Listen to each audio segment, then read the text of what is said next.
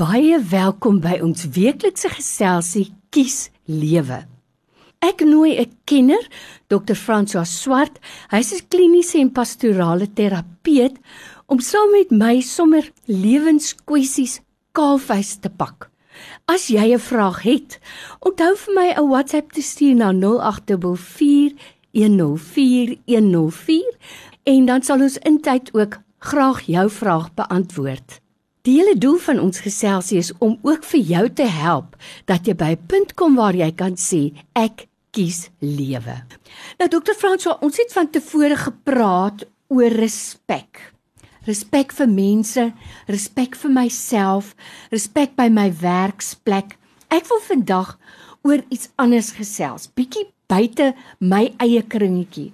En dit is respek vir die natuur, vir die aarde, Wat kan ek en jy doen om 'n ligte voetspoor op die aarde te hê? Nou baie mense sê, man, die aarde gaan vergaan en ons is in elk geval op pad na die einde toe. Moenie jou te veel steur daaraan nie. Ons kan mos nie met sulke oogklappe oploop nie, kan ons? Nee, ek dink nie ons kan nie, Lorraine en ek dink ons uh, luisteraars moet eintlik vir jou SMS'e stuur en ons moet hulle mening ook hoor want ons mm. praat oor goed hierdie wat regtig baie baie belangrik is. Mm. Ek herinner my in van my leeswerk dat iemand gesê het oor respek. Jy moet respek hê vir al die mense rondom jou, maar jy moet ook respek hê vir jouself mm. en dan jou omgewing rondom jou. En hy het gesê waar dit begin. Vir my, hy was 'n beroemde generaal daar iewers in Amerika. En hy het gesê hoe hy sy eie lewe te midde van al sy prestasies orden. Hy begin om elke oggend die eerste ding wat hy doen is om sy bed op te maak. Sien. By ander woorde, hy kyk na sy omgewing dat dit sinnelik lyk en dan voel hy, "Maar nou het ek beheer."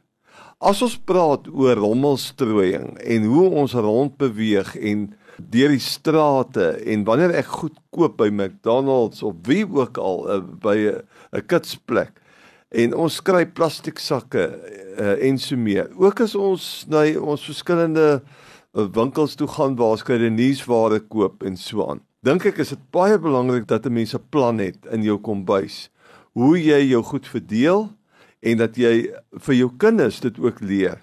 Ons moet opruim en veral vullis en goed wat rond lê. Al vat ons net 15 minute om die straat voor ons wat ons het, net 'n klompie goedes uh, op te tel, het jy 'n verskil gemaak. Baie keer gaan stap ek saam met my vrou En ek verbaas my. Sy het gesê ek sal saam met jou gaan stap, maar ek gaan altyd 5 goed optel. nou ek wonder of ek nie maar uh, dit vir die luisteraars moet mm. vra nie. Ehm uh, miskien uh, julle vrou nie soos my vrou te wees nie, maar as ons almal in die Kaapse skiereiland mm. kan onderneem om elke dag 5 goedes op te tel wat rond lê. Dink net, gaan die Kaap nie dan nog meer die skoonste skaap wees nie. Ja, daar's 'n Engelse uitdrukking wat sê cleanliness is next to godliness. Want ek dink as jou omgewing georden is, dit sê vir my bietjie iets van wat in jou kop aangaan. En ek verstaan, ek het begrip vir mense wat oorweldig voel. Oorweldig deur bekommernis, deur angs en spanning. Jy kan skaars jou twee voete uit die bed uit tel, wat nog te sê jou bed opmaak as jy daai het opgestaan het. Maar dit is tog 'n beginpunt om jou gedagtes te orden, deur vir jou lysie te maak. Miskien moet jy dit neerskryf dokter Frans, ons staan daaroor gepraat. Maak my bed op, borsel my tande, kam my hare. As dit 'n dame is, sit gremering aan al weet jy gaan die hele dag alleen wees. Help dit nie om om daar te begin nie? Ek hou ek wil aanhaak by daai borsel jou tande. En ek dink dis die metafoor in beeld wat ons uh, ons luisteraars moet vat. Verbeel jou soos wat jy daar voor die radio sit, jy gaan nie jou tande borsel nie. Dis die basiese ding wat jy in jouself kan doen in terme van sindelikheid en versorging van jou mond. Ek dink ons moet 'n parallel trek ook met ons omgewing as jy jou mond dan sinlik moet hou, ook die wêreld rondom jou. Hmm. En dit sal wonderlik wees. Hmm. Uh, dis nie net goed vir jou nie, dis goed vir jou buurman. Jy jy doen vir almal eintlik 'n guns. En dit is ons roeping. Die Here het vir ons in Genesis 2 die opdrag gegee Ons moet heers en werk oor die aarde. Ons moet kyk daarna. Ons moet dit versorg. Ons moet dit bewerk. Ons moet name gee vir diere. Ons moet wetenskap beoefen.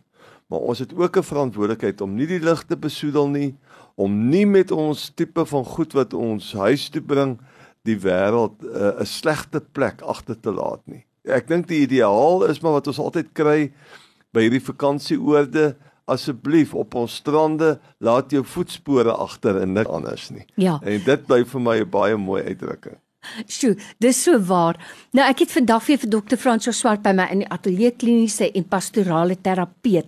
Dokter Franso, ek kyk nou die dag uit hier by die radio, hier's mos 'n parkeerterrein. Jong mense, oulike jong mense, kom sit hier in 'n BMW nogal. Maar so waar as vet sal die man sy venster afdraai en 'n sak uit die venster uit. Hy hy klim nie eens uit nie. Hy uit die venster uit laat val onder die boom van 'n kitskos restaurant. 'n Eislike papiersak vol gemors. En ek dink by myself, ek wonder hoe lyk jou kamer? Ek wil nie eers weet hoe lyk jou motor nie. So, om sinnelik te lewe is iets wat ons en Dr. Fransja, jy sê dit altyd en dit bly by my. Kinders leer deur voorbeeld. So as ma sê, kom ons stel gou-gou op, kom ons maak gou netjies, dan moet dit afvryf aan die kinders. Ten slotte net die natuurlike hulpbronne wat ons het. Water byvoorbeeld. Hulle vertel vir ons dis besig om op te raak en klaar te raak. Hoe kan ons as ander mense in die gemeenskap, ons moet mos nou uitstaan bo die ander mense met respek maar ook met verantwoordelikheid daarmee omgaan. Ek dink uh, die feit dat ons 'n uh, geestelike radiostasie is, dat ons Christene is, volgers van Jesus, het ons 'n besondere roeping. En ek wil regtig 'n pleidooi lewer veral vir ons pastore en leraars en mense wat op verhoor staan Sondag vir Sondag dat wanneer jy jy beplanning doen dat 'n mens ten minste 'n maand of 2 weke afsonder en preek daaroor vanuit die woord uit met mm. ons geloofsgemeenskappe praat en boonbehalwe al die mooi projekte wat ons gemeentes aanpak dat daar 'n 2 weke tydperk is waar ons na 'n parkie toe gaan in die omgewing met swart sakke en 'n voorbeeld is mm. vir die mm. gemeenskap en goeders begin opruim op 'n praktiese manier. Dit kan deel wees van die kategese onderrig ons jong mense dat ons uh, sekere gebiede uh, teiken in ons omgewing en sê maar dit is vir ons belangrik dat ons die aarde moet eer. Daar's sulke wonderlike psalms en daarmee wil ek afsluit Psalm 66 juig aarde juig met blye galme. Daar's ook 'n psalm wat ons sing wat wat min of meer daardie woorde uiter. En as ons begin om die aarde net rondom ons, die omgewing op te ruim, dan dink ek sal die aarde juig. Wat 'n wonderlike positiewe noot om op af te sluit. Soos altyd Dr. Fransja vir jou tyd. Baie dankie. Dankie Lorraine en groete aan al die luisteraars van huis tot huis.